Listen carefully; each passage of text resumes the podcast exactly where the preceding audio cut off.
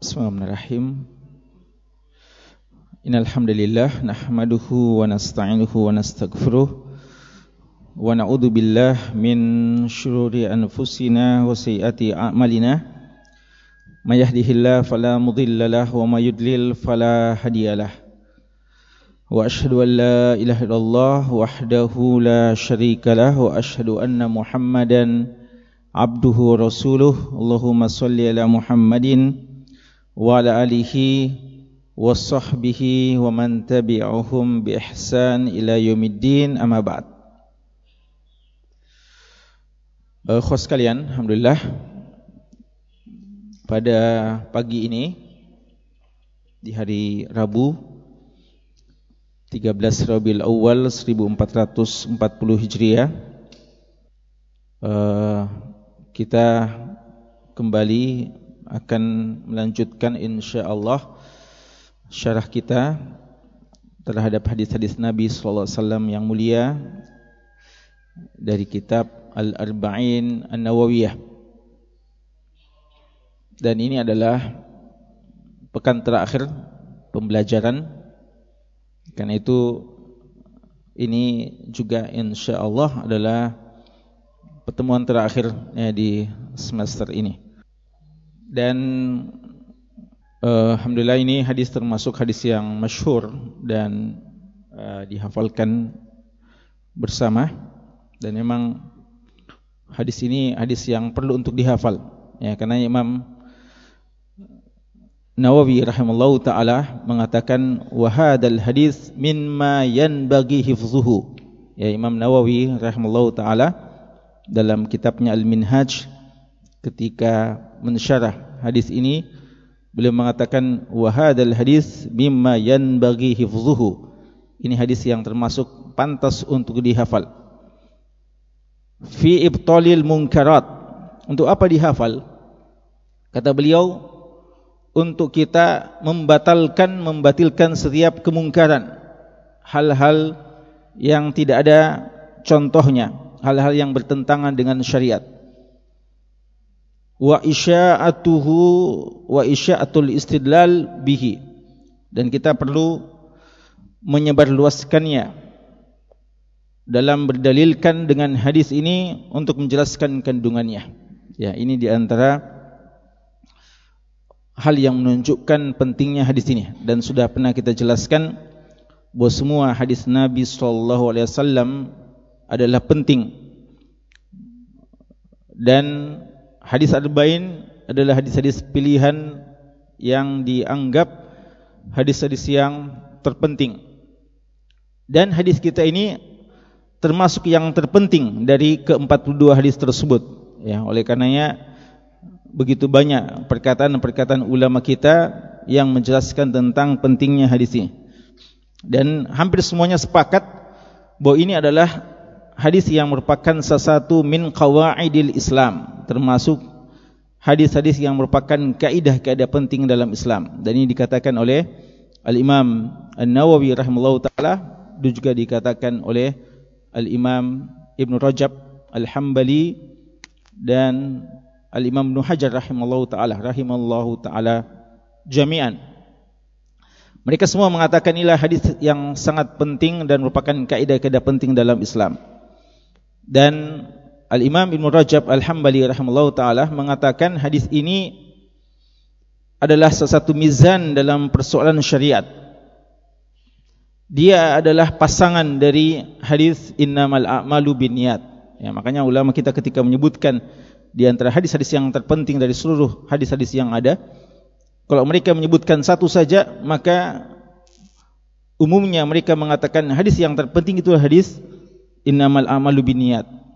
Dan kalau mereka sebutkan dua, biasanya hadis yang kedua yang mereka katakan sangat penting adalah hadis kita ini. Karena syariat itu ada yang zahir dan ada yang batin. Ada amaliyah yang zahirah, ada amaliyah yang batinah. Apa definisi ibadah?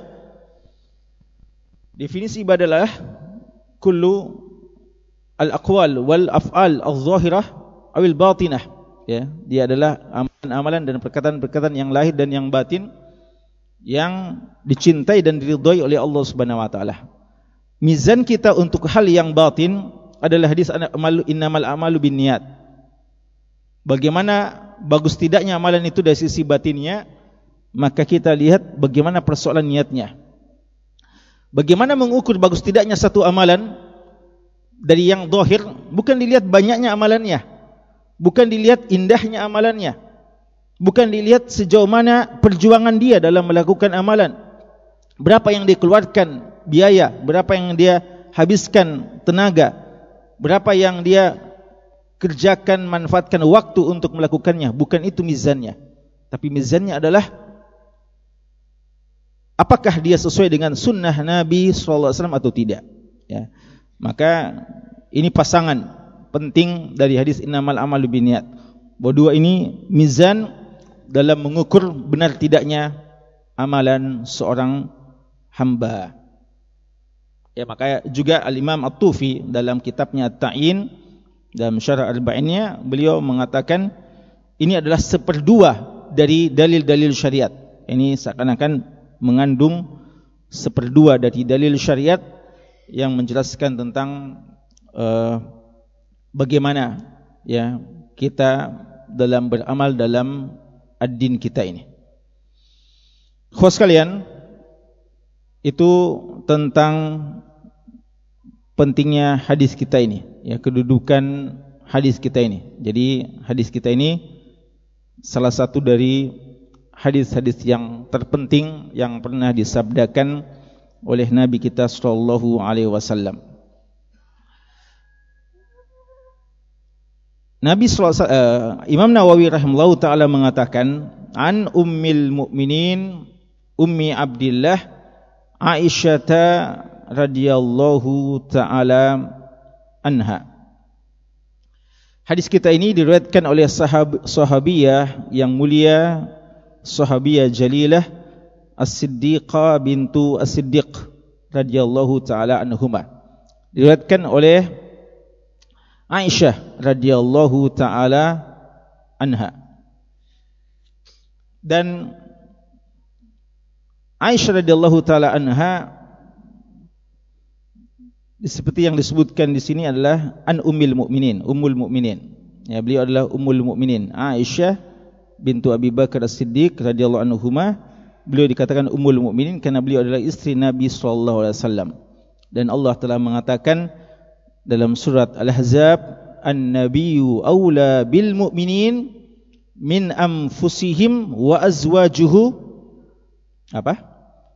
ummahatuhum. Ya wa azwajuhu ummahatuhum. Kan itu semua yang menjadi istri si Nabi sallallahu alaihi wasallam wa azwajuhu ummahatuhum adalah ibu-ibu dari orang beriman. Ya semua istri Nabi sallallahu alaihi wasallam yang beliau uh, bersama dengannya itu adalah istri si itu adalah ummul mukminin ibu dari orang-orang beriman.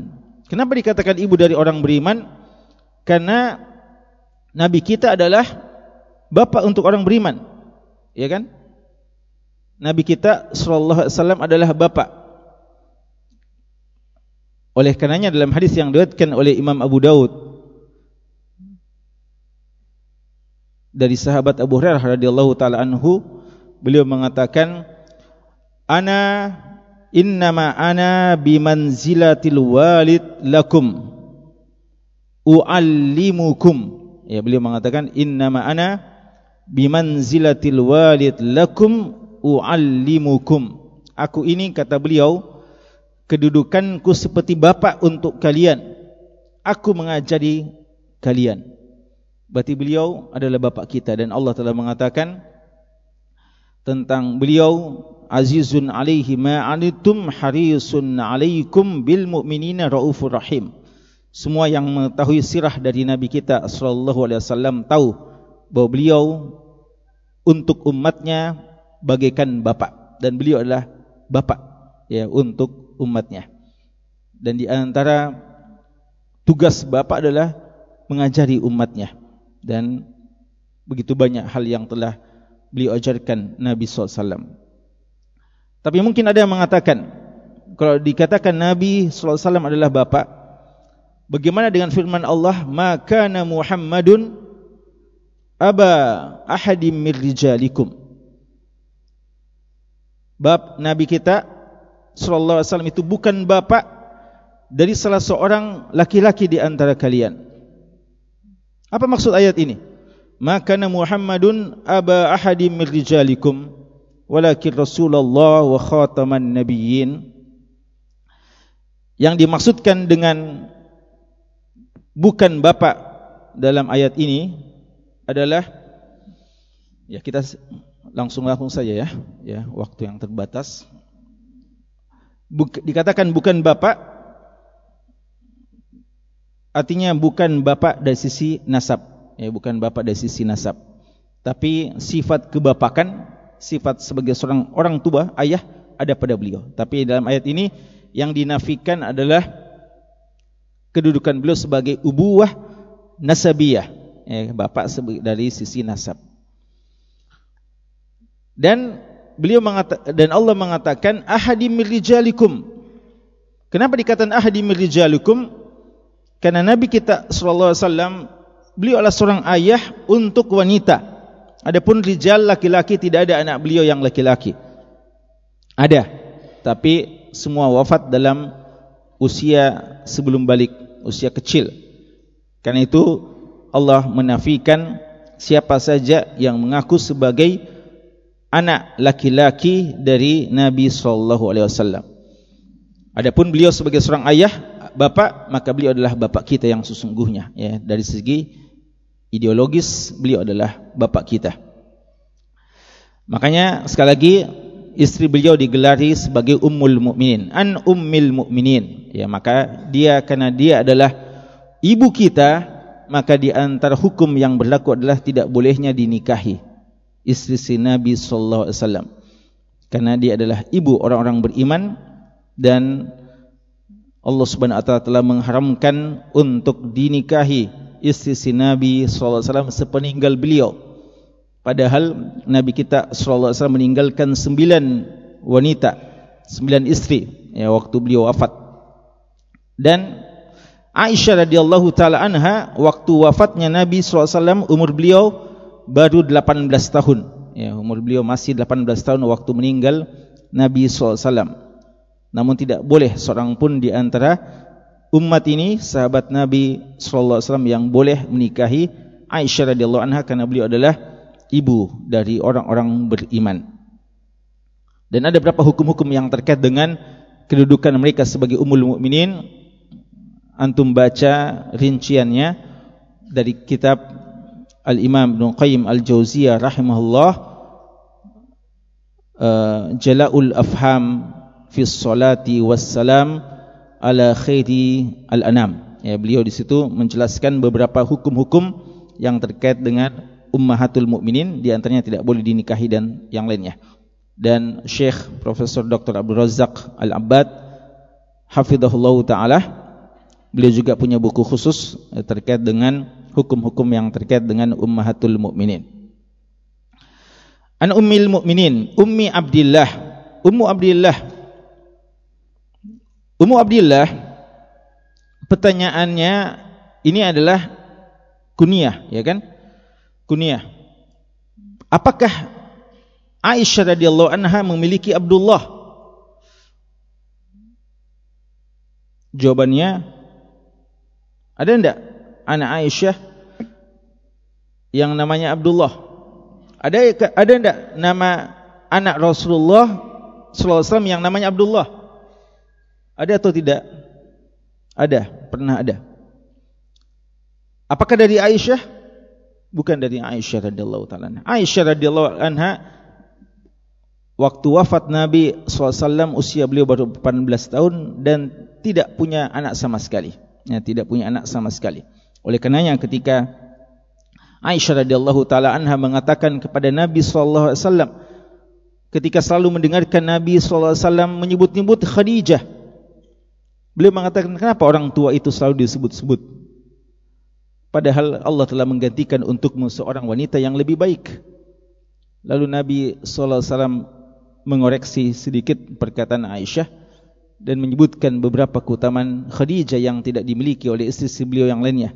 Di antaranya adalah Nabi wasallam diberikan rezeki anak dari Khadijah radhiyallahu taala anha dan tidak mendapatkan anak dari istri beliau termasuk Aisyah radhiyallahu taala anha. Ada yang mengatakan Aisyah radhiyallahu anha pernah punya anak tapi keguguran. Ya. Ada anaknya tapi keguguran tapi itu riwayat-riwayat yang tidak sahih. Yang sahih bahwasanya beliau tidak pernah sama sekali punya anak, bahkan belum pernah mengandung, ya belum pernah hamil radhiyallahu taala anha. Dan itu semua adalah takdir dan hikmah yang ada yang datang dari Allah Subhanahu wa taala. Maka pertanyaannya, kenapa beliau dikatakan Ummu Abdillah? Kau sekalian, dalam beberapa riwayat disebutkan Aisyah radhiyallahu anha berkunia dengan Ummu Abdillah karena permintaan beliau. Beliau mengatakan kepada Nabi sallallahu alaihi wasallam, "Ya Rasulullah, semua istrimu punya kunyah, punya anak." Ya. Atau punya kunyah, ya karena istri-istri Nabi itu adalah istri-istri dari sebelum Nabi wasallam. Ya semuanya dulu sudah berkeluarga sebelum dinikahi oleh Nabi wasallam maka umumnya mereka punya anak. Adapun Khadi, adapun Aisyah tidak punya. Maka beliau mengatakan, bagaimana Rasulullah? Saya juga ingin berkunyah dan menunjukkan sunnahnya berkunyah. Karena orang yang tidak punya anak pun minta untuk bisa berkunyah. Bahkan seperti yang kita ketahui, yang tidak nikah pun itu sudah berkunyah. An-Nawawi rahimahullah ta'ala tidak nikah. Syekhul Islam tidak nikah. Syekhul Islam Ibn Taimiyah siapa kunihannya?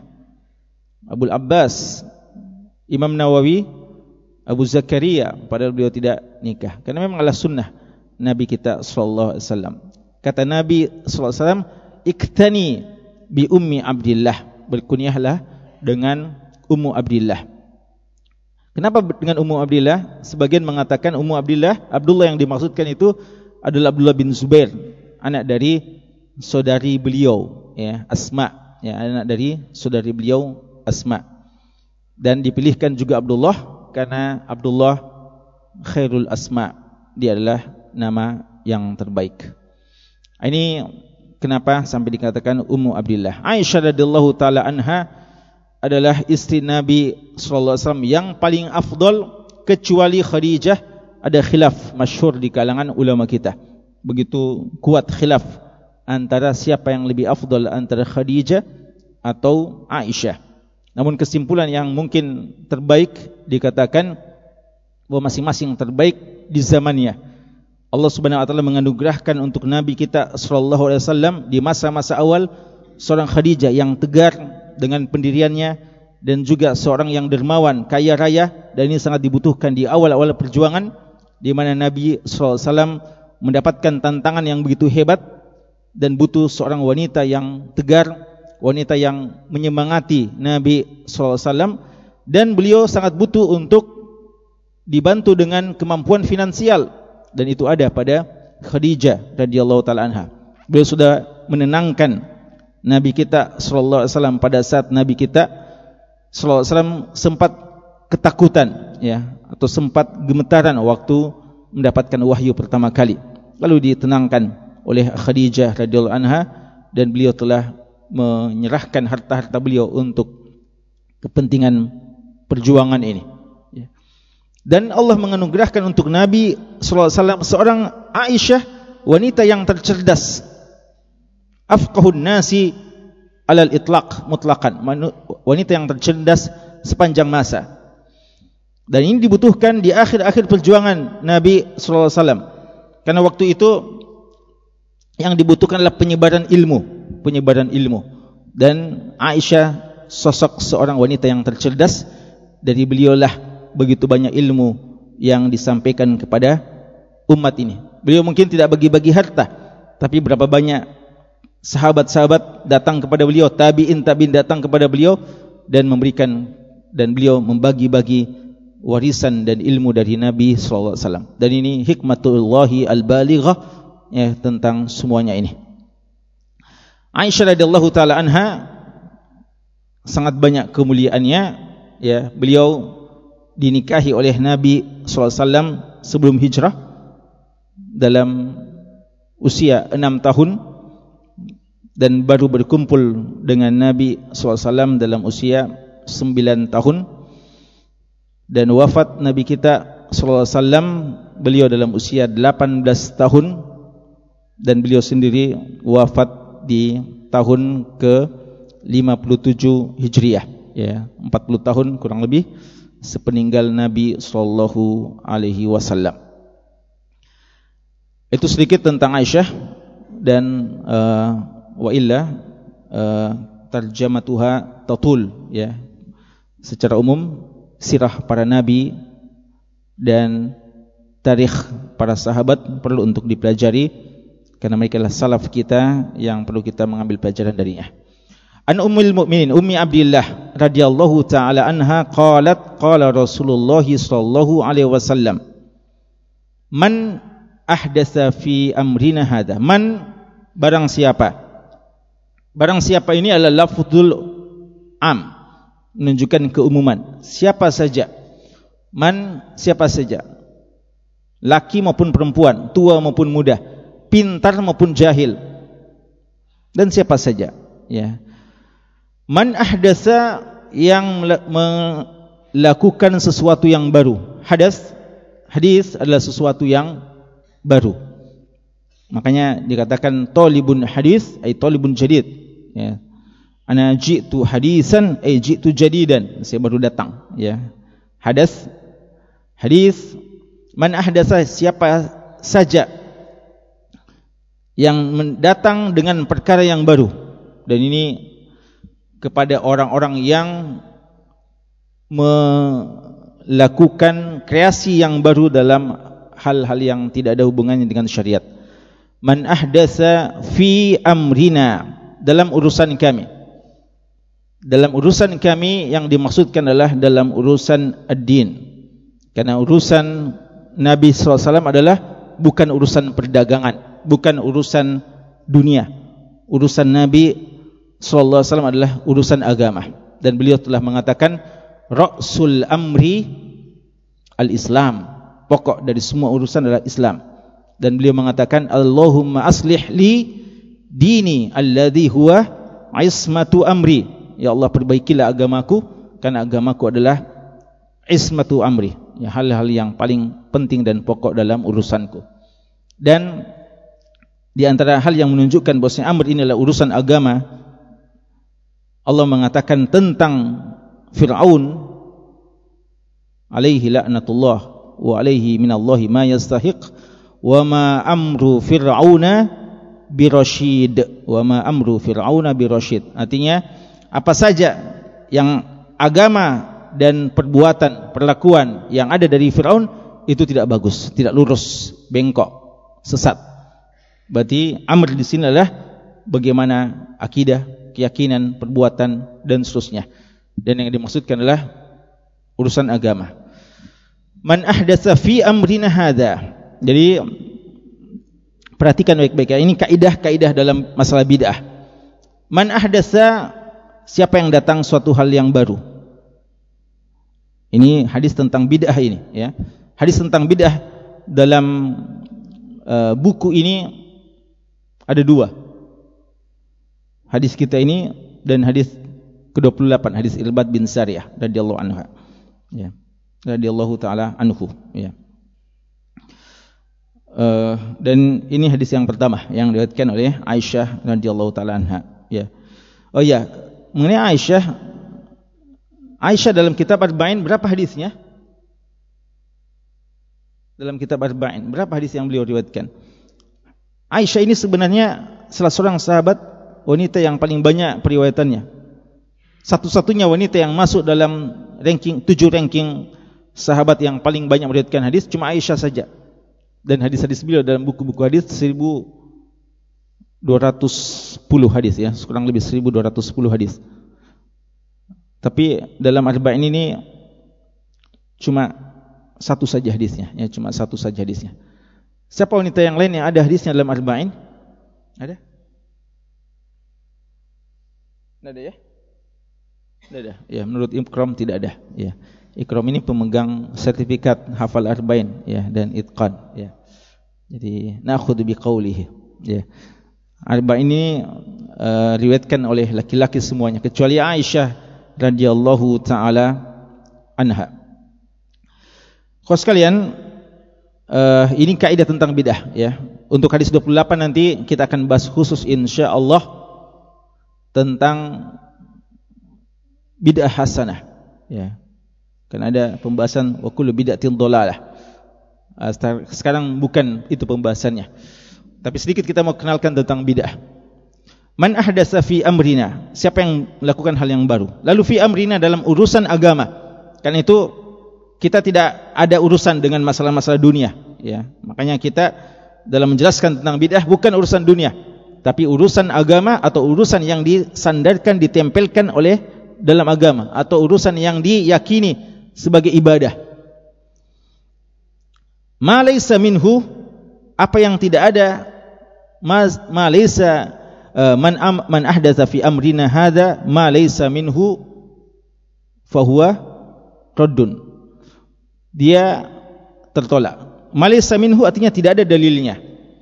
Karena itu rukun bid'ah ada tiga. Ya, rukun bid'ah ada tiga. Sesuatu perkara dikatakan bid'ah jika terkumpul padanya tiga perkara atau tiga hal, tiga rukun. Rukun pertama dia sesuatu yang baru. Maksud dari yang baru ini tidak ada pada zaman Nabi sallallahu alaihi wasallam dan tidak juga pada zaman khulafa rasyidin. Karena Rasulullah sudah mengisyaratkan dalam hadis Irbad bin Sariyah insyaallah dan suatu saat akan dibahas.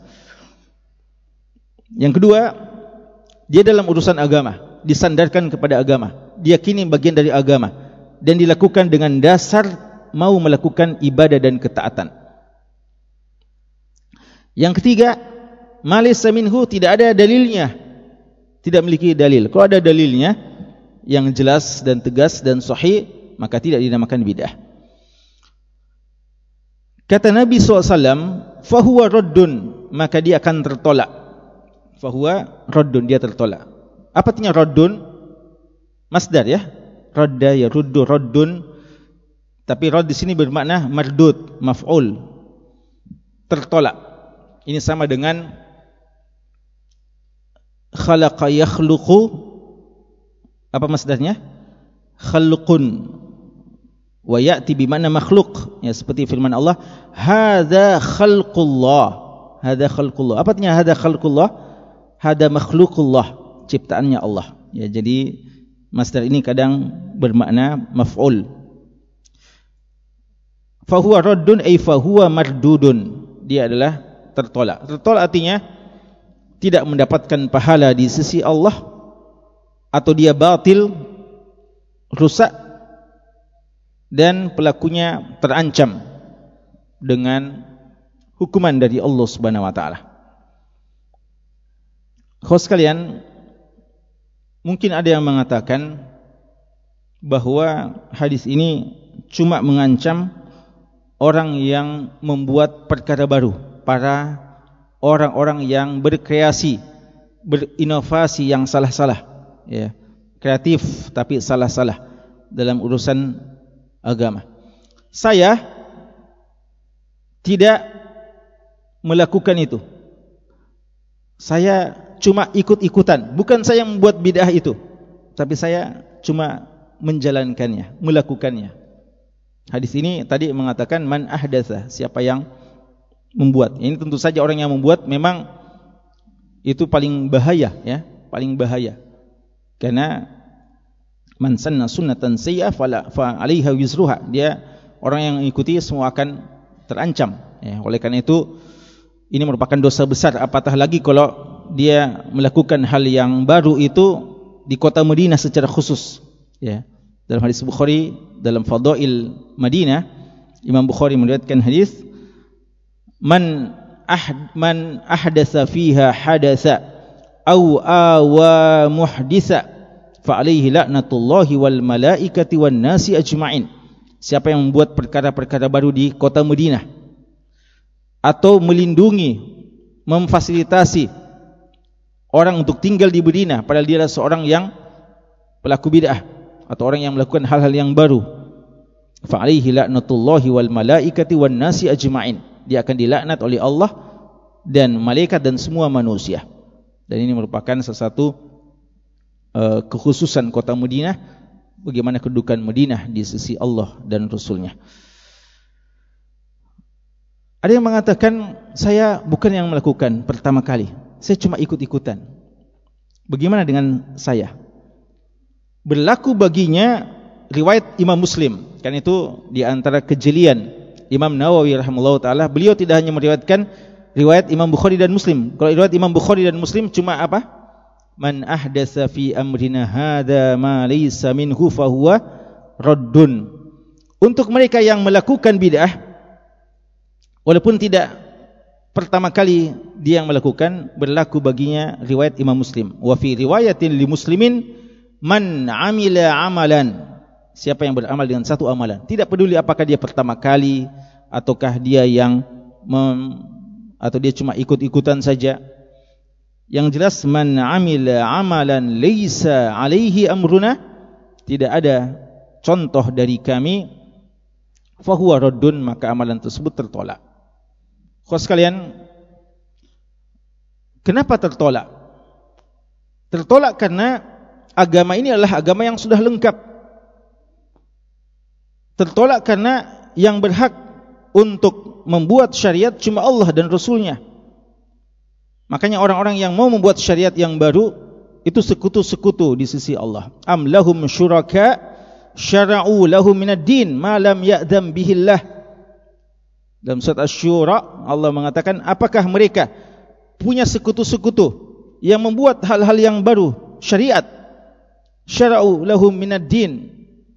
Malam ya'dam bihillah. Yang Allah tidak izinkan. Allah tidak izinkan syariat ini kecuali datang darinya. Dan diizinkan kepada Nabi sallallahu alaihi wasallam untuk menjelaskan syariat tersebut. Adapun yang lainnya tidak boleh. Karena itu jangan ada seorang yang mau menjadi orang yang pertama Allah katakan la ya ayyuhalladzina amanu la tuqaddimu baina yadayillahi wa rasulih. Dalam qiraah yang lain la tataqaddamu ya baina yadayillahi rasuli jangan kamu mengedepankan sesuatu atau jangan kamu berada lebih depan daripada Allah dan Rasulnya. Artinya jangan anda datang suatu dengan hal yang baru. Ditanya mana dalilnya dari Quran? Tidak ada.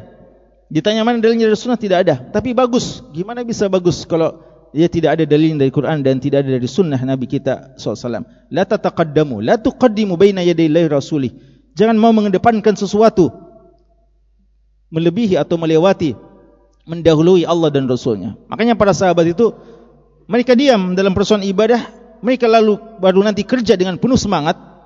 Itu ketika sudah datang dalilnya dari Quran dan Sunnah. Ya, kita ini sekarang kadang disibukkan dengan hal yang tidak ada dalilnya. Kita begitu semangat. Kalau ditanya mana kita terlalu cepat mendahului Allah dan Rasulnya. Kalau tidak ada dalilnya. Dan yang sudah ada dalilnya kita diam. Ya.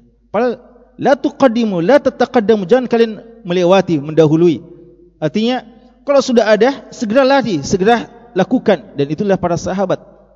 Mereka adalah orang yang selalu musabaqatul fil khairat kalau sudah jelas dalilnya. Tapi yang belum jelas mereka tidak berani. Tidak dengan perkataan dan tidak dengan perbuatan. Dan khos kalian kenapa tidak boleh Tadi kita sudah sebutkan karena Allah dan Rasulnya dialah yang berhak untuk menetapkan syariat. Dan juga karena Allah Subhanahu Wa Taala telah melengkapkan syariat ini, menyempurnakan syariat ini. Kapan itu syariat ini telah dilengkapkan oleh Allah pada tanggal 9 Dhul Hijjah tahun ke-10 Hijriah. Allah telah menurunkan firman-Nya al-yawma akmaltu lakum dinakum wa atmamtu alaikum ni'mati wa raditu lakumul islama dina. Hari ini apa hari ini? Kata Umar bin Khattab radhiyallahu anhu ketika ditanya oleh seorang Yahudi kamu punya ayat yang seandainya turun kepada kami ayat itu kami akan rayakan ayat itu. Artinya kami akan rayakan hari turunnya ayat tersebut kan itu ayat yang sangat luar biasa yang ada pada kalian ditanya apa yang maksudmu dibacakan ayat tadi. Beliau mengatakan, saya kami sangat tahu kapan ayat itu turun. dan dalam suasana apa dan pada hari apa. Hari itu adalah tanggal 9 Dzulhijjah, hari Arafah di hari Jumat dan mereka pada wukuf di Arafah, hari yang sangat agung. Ya. Mereka sudah tahu bagaimana memuliakan hari tersebut. Al-yawm hari ini atmamtu alaikum ni'mati sudah aku sempurnakan nikmatku. Artinya khusus sekalian, kesempurnaan nikmat adalah dengan Islam. Seandainya ada orang yang tidak punya sesuatu dari nikmat kecuali Islam sudah cukup. Dan seandainya ada orang yang memiliki semua nikmat ini kecuali Islam maka tidak ada nikmat baginya. Karena nikmat yang tertinggi dan nikmat yang sempurna adalah dengan keislaman. Al-yawma al-yawma akmaltu lakum dinakum. Aku sempurnakan bagi kalian agama kalian. Sempurna sudah. Sempurna agama ini. Dan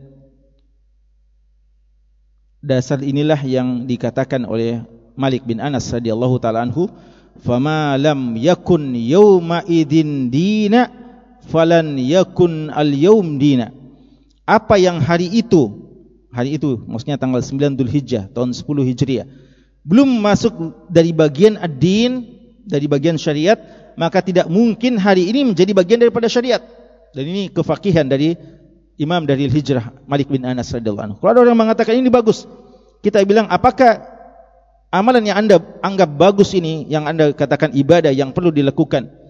Apakah dia itu ada pada tanggal 9 Dzulhijjah sudah ada? Dia bilang belum, tapi kan bagus. Ya, kata Malik bin Anas, apa yang hari itu tidak menjadi bagian daripada ad-din, maka tidak mungkin hari ini baru menjadi bagian daripada ad-din.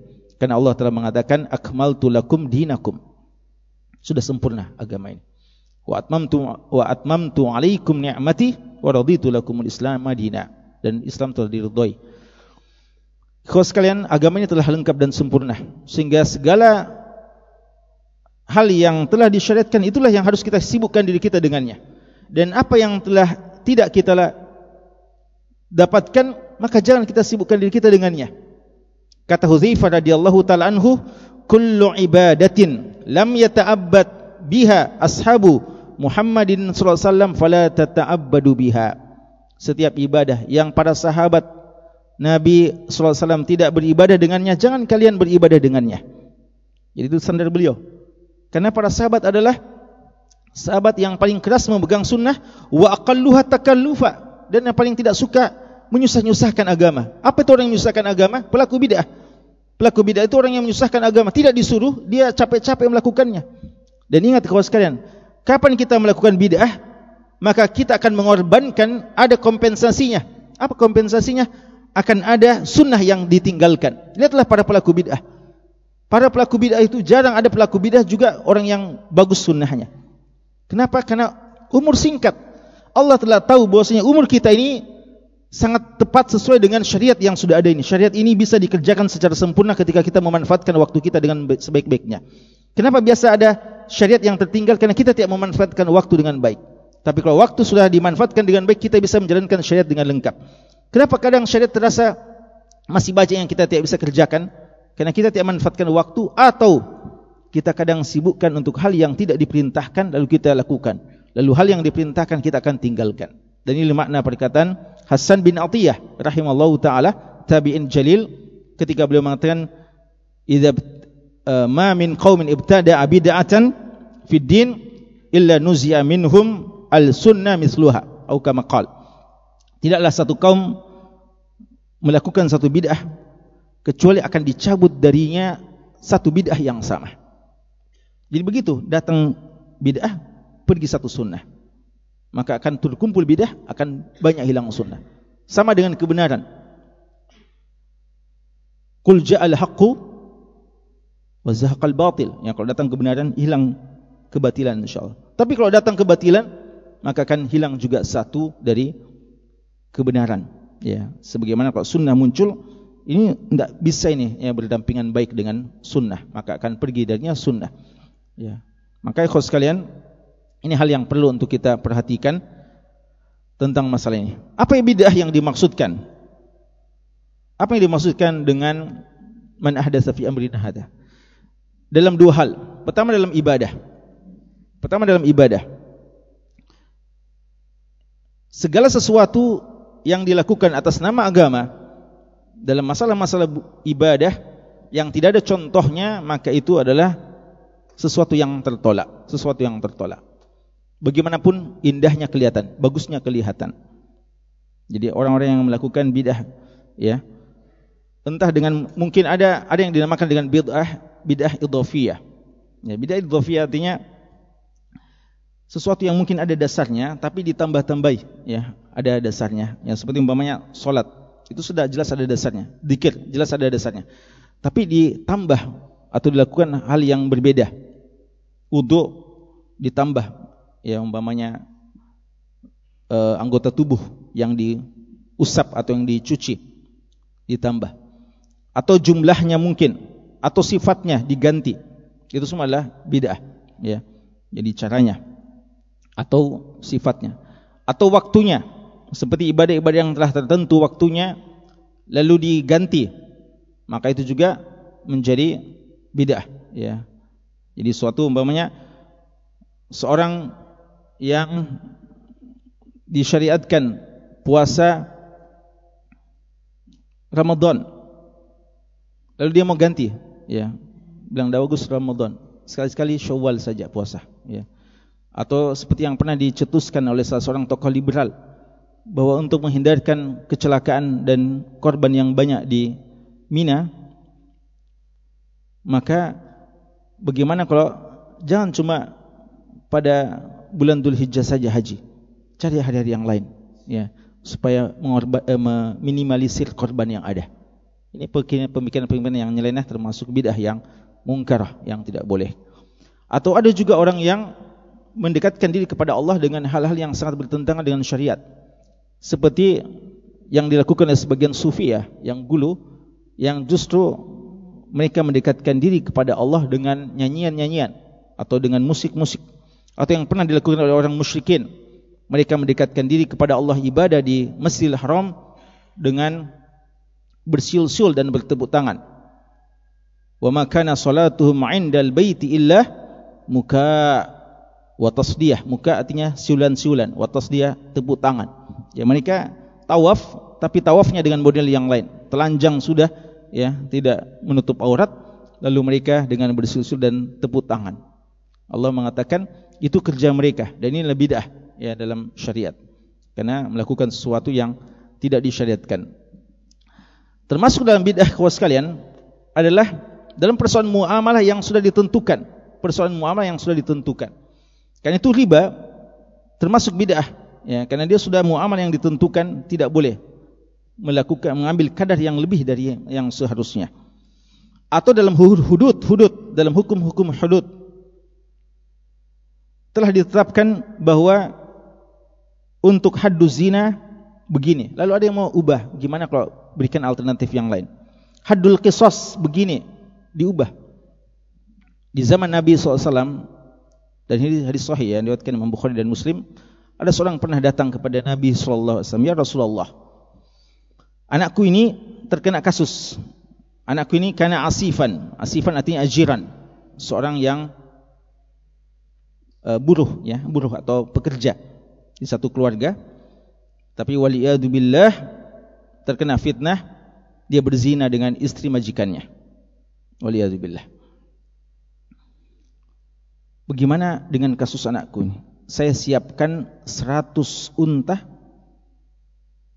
dan siapkan satu pembantu alternatif pengganti dari anakku ini. Agar anakku tidak dihukum dengan hukum hadduz zina. Apa hadduz zina? Hah? Apa hadduz zina? Bagi yang belum nikah? Jald, ya. 100 kali cambuk dan diasingkan satu tahun. Apa respon Nabi SAW? Orang ini mau menawarkan alternatif pengganti hukum had. Beliau mengatakan, Mi'atu ghanam, atau mi'atu syah, wal khadim rudda alaik. Dikembalikan lagi sama kamu. Wa ala ibnik, dan untuk anakmu, mi'atu jaldah, wa tagrib am ya, anakmu bagiannya adalah 100 eh, bagiannya adalah 100 cambuk. Jadi dia fikir 100 cambuk itu bisa diganti dengan 100 kambing. Ya, tidak, tidak bisa. 100 cambuk dan diasingkan satu tahun. Ya, satu tahun diasingkan untuk mengambil pelajaran. Ini ya, kau sekalian. Jadi bagaimana dengan orang-orang yang dulu pernah ada ya? Mengambil buat alternatif. Gimana kalau hukum potong tangan katanya tidak produktif? Hukum potong tangan ini tidak produktif. Bikin orang tambah tidak bisa kerja. Ya. Cari hukuman yang lebih bermanfaat. Waliyadzubillah. Ini orang-orang yang merubah hukum-hukum Allah dan merubah syariat ini termasuk juga bidah yang tidak dibenarkan ya termasuk ma laysa minhu fa huwa raddun. Kau sekalian terakhir ya uh, kita seperti yang kami sebutkan tidak dalam membahas tentang bidah hasanah, bid, syubhat bidah hasanah. Itu insyaallah pembahasannya pada hadis Irbad bin Sariyah. Cuma kami membahas sebagai penutup masalah al-maslah al-mursalah. Ini yang kadang tidak dibedakan oleh sebagian orang atau sebagian umat. Ketika mereka beralasan bahwasanya yang saya lakukan ini tidak mengapa. Buktinya Anda juga pakai mic. Bidah. Anda juga pakai HP. Kenapa Anda pakai naik mobil? Kalau mau sunnah naik unta. Ya. Dan juga di zaman Abu Bakar ada Jam'ul Quran. Dan di zaman Umar bin Khattab administrasi perkantoran dirapikan. Dan sekolah mana ini dalilnya tentang pesantren, sekolah tinggi, universitas, kalian juga masuk di situ. Mana dalilnya tentang Al-kalam itu ada tiga. Al-fi'lu wal ismu wal harf. Mana dalilnya itu? Ya. Itu semua taksimat bid'ah kalau Anda jujur ya dalam masalah ini. Kau sekalian ini karena tidak membedakan antara al-bid'ah dan al-maslah al-mursalah. Ya, al-bid'ah dan al-maslah al-mursalah secara singkat. Al-bid'ah dan al-maslah mursalah memang ada kesamaannya. Ada kesamaannya. Apa kesamaannya? Kesamaannya sama-sama belum ada di zaman Nabi sallallahu alaihi wasallam. Atau mungkin ada untuk bidah sempat ada sedikit. Adapun masalah mursalah tidak ada secara umum. Kalau bidah sempat ada sedikit tapi sudah dikoreksi oleh Nabi sallallahu alaihi wasallam. Seperti apa? Ketika ada sahabat yang mau tiga sahabat itu ya, yang tidak mau apa? Tidak mau tidur sama sekali, mau sholat terus. Dan ada yang tidak mau nikah sama sekali. Dan ada yang mau puasa terus menerus. Itu langsung ditegur oleh Nabi sallallahu alaihi wasallam karena itu tidak bagian syariat contoh yang terbaik adalah pada Nabi SAW. Atau apa yang pernah dilakukan oleh Abu Israel. Abu Israel itu, beliau, Nabi kita SAW sedang berkhutbah, para sahabat sedang menikmati khutbah Nabi kita SAW, Abu Israel itu dari kejauhan mendengarkan khutbah, tapi berdiri dan tidak mau berteduh. Nabi SAW melihat lain-lain ini. Ya. Orang pada duduk mendengarkan dengan baik, dia sendirian jauh di sana. Beliau mengatakan, siapa itu? Dikatakan Abu Israel wahai Rasulullah. Kenapa dia? Dikatakan dia telah bernazar untuk tidak duduk, untuk tidak berteduh, dan dia bernazar, dia bernazar untuk puasa sekarang. Apa kata Nabi sallallahu alaihi wasallam? Beliau mengatakan, "Muruhu wal yastazil wal yuwasil saumah. Ya. Dan itu untuk melihat bagaimana insafnya Rasulullah sallallahu alaihi wasallam. Beliau mengatakan suruh dia untuk duduk suruh dia untuk berteduh. Adapun puasa bagus silakan teruskan puasanya. Ya. Jadi yang salah ditegur. Yang benar dipersilahkan ya ini bidah juga kenapa bidah karena dia berdiri dan menyangka itu lebih baik Padahal berdiri ini sunnah atau tidak? Berdiri. Sunnah atau tidak? Apa hukum berdiri? Sunnah atau tidak? Sunnah pada waktu solat. Ya. Sunnah pada waktu apa? Pada waktu berdoa. Ya. Di sebagian tempat pada waktu kita haji. Dia sunnah di tempat-tempat tertentu. Tapi ketika disalahgunakan lalu diniatkan ibadah juga padahal dia tidak ditentukan seperti itu maka tidak sunnah. Sama dengan tidak pakai songkok. Tidak pakai songkok sunnah atau tidak? Dia adalah syariat. Tidak pakai songkok. Kapan? Pada saat kita ihram. Bukan cuma haji, ihram, umrah juga. Tidak boleh, tidak tidak boleh pakai songkok, tidak boleh pakai sorban, tidak boleh pakai apa-apa pada waktu kita sedang ihram. Berarti ada bagian syariat. Tapi jangan bilang berarti sunnah itu. Berarti dalam segala keadaan kita tidak mau pakai songkok. Kenapa lebih sunnah? Ya. Maka bilang kenapa tu pakai songkok? Kita nyunnah ini. Ya. Yang sunnah itu, ya makanya ulama mengatakan siapa yang meyakini sebagai sunnah dalam semua tempat, maka dia bid'ah. Ya, kalau ikut-ikut yang tidak pakai songkok ini, karena dengan keyakinan bosnya lebih afdal. Lalu ditanya mana dalil antum?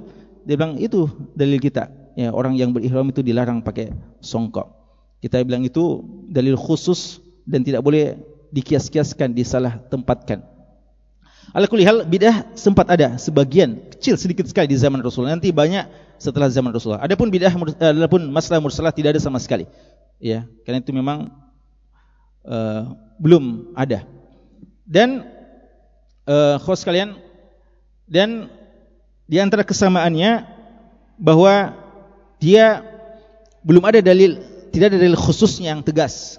Bidah tidak ada dalil khusus ya karena orang-orang yang pakai dalil untuk bid'ah kebanyakan pakai dalil-dalil umum saja. Ya, dalil-dalil umum yang mereka gunakan. Dalil yang kadang tidak tepat wajul istidlalnya. Ya, dalil umum tidak tepat. Seperti firman Allah, "Uzkurullah dzikran katsira." Ya ayyuhalladzina amanu uzkurullaha dzikran katsira. Wahai orang yang beriman, berzikirlah dengan zikir yang banyak. Maka mereka datang dengan zikir-zikir yang tidak ada contohnya. Kalau ditanya mana dalil antum, gunakan dalil umum. Ya, padahal dalil umum ini perlu dicarikan dalil khusus untuk lebih menjelaskan. Ala kulli hal, tidak ada dalil khususnya untuk bid'ah dan tidak ada dalil khususnya untuk masalah mursalah. Mungkin ada dalil-dalil umum. Itu di antara persamaannya. Apa perbedaannya? Ya. Di antara perbedaannya bahwa bid'ah itu memang pelakunya meniatkan ibadah. Adapun masalah mursalah ketika dilakukan dia cuma dalam bab tentang sarana saja fasilitas atau sarana untuk mencapai sesuatu kebaikan. Tapi bukan diniatkan itu ibadah. Zatnya. Dan masalah mursalah itu didatangkan untuk memudahkan. Naik. Ini memudahkan ya. Daripada kita teriak-teriak. Ya. Daripada kita teriak-teriak tidak didengar. Maka didatangkan. Itu namanya masalah mursalah. Adapun bid'ah dilakukan tambah susah. Orang bid'ah itu susah enggak? Susah karena dia melakukan sesuatu yang membutuhkan tenaga, mengambil waktu, menguras pikiran. Ya, kalau ada orang melakukan satu bidah itu susah sekali. Apalagi kalau bidah yang dilakukan bersama-sama, ya. Membutuhkan panitia lagi. Itu banyak yang dikorbankan, ya. Banyak yang dikorbankan. Ini kalau sekalian itu menyusahkan. Adapun masalah mursalah adalah untuk memudahkan. Dan bagaimana untuk membedakan di antara cara yang mudah untuk membedakan bahwa pertanyaan pertama ya, apakah ada di zaman Nabi sallallahu alaihi wasallam? Kalau jawabannya ada, contohnya, maka itu bukan bidah tentunya, sunnah.